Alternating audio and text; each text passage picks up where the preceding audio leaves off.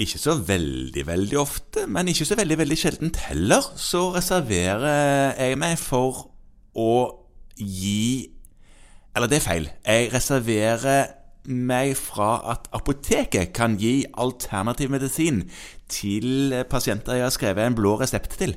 Ja, det er bra det.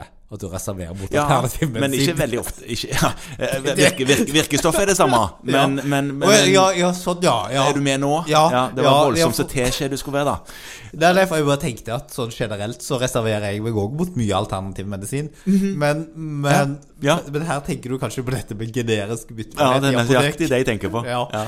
Og det, det hender det at jeg òg gjør.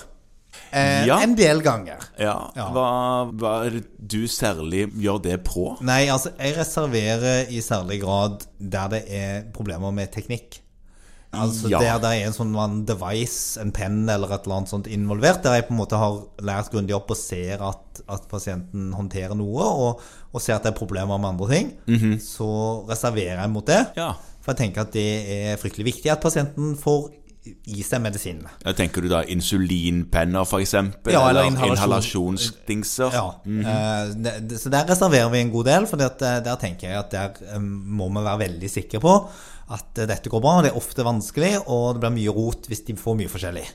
Ja, det som er rot, er jo særlig hvis de tror de har fått det i seg, og så har de, har de ikke utløst dingsen engang. Det er i hvert fall rot, det finnes det masse studier på, men det var nok egentlig ikke det vi skulle snakke om. Nei. Fordi, eh, du har sikkert fått brev, du, fra SLV. Jeg har det. Jeg har det. Eh, og, for det kom et sånt kjærlighetsbrev til en del av oss der det sto at dette er nå stramma inn.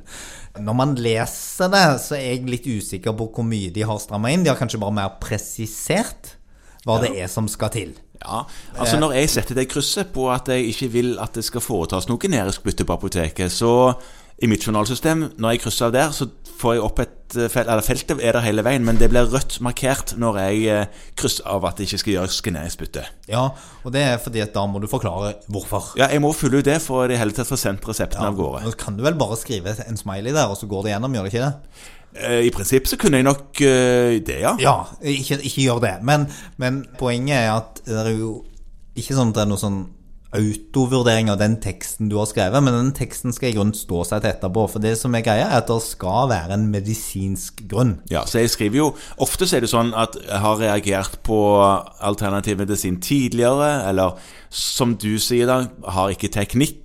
Eh, Ja, altså, altså, Får ja. ikke til å bruke alternativ alternativer ja. osv. Eller vi har brukt uendelig mange timer på å lære dette at det roter nå endelig ikke til. Mm. Det som står nå som er presisert, er at eh, det skal være betydelige problemer med feilbruk eller svikt i etterlevelse. Og Da er det en gruppe som her kommer inn, og det er da de med kognitiv svikt.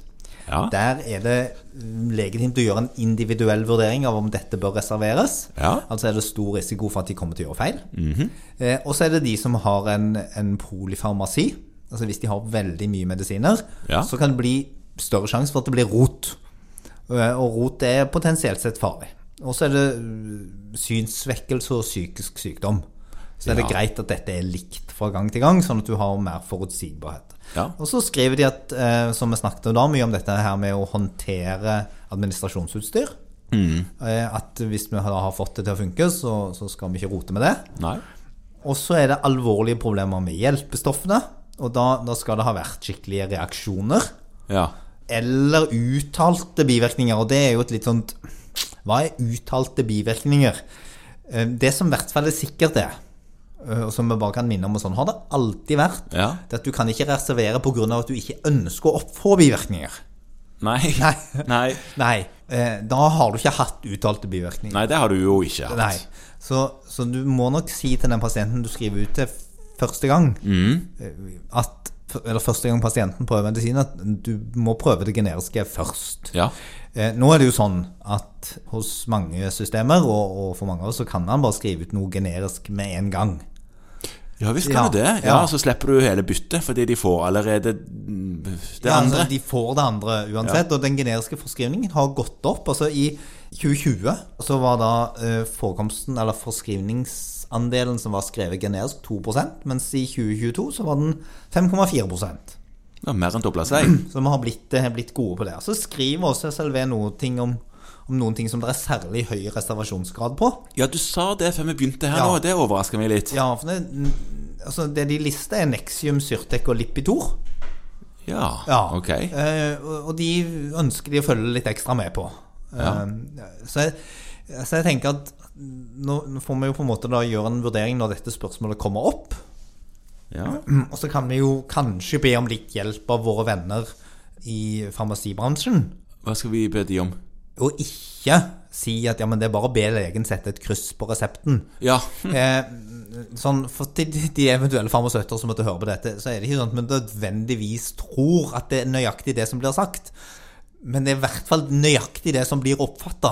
Ja, pasientene kommer iallfall og, og sier at eh, jeg har fått beskjed om å bare si at du kan sette et kryss et sted, og så slipper vi denne diskusjonen hver gang. Ja.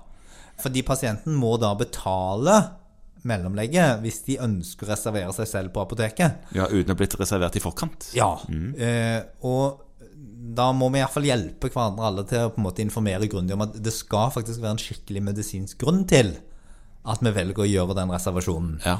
før man kan sette dette berømte krysset. Ja.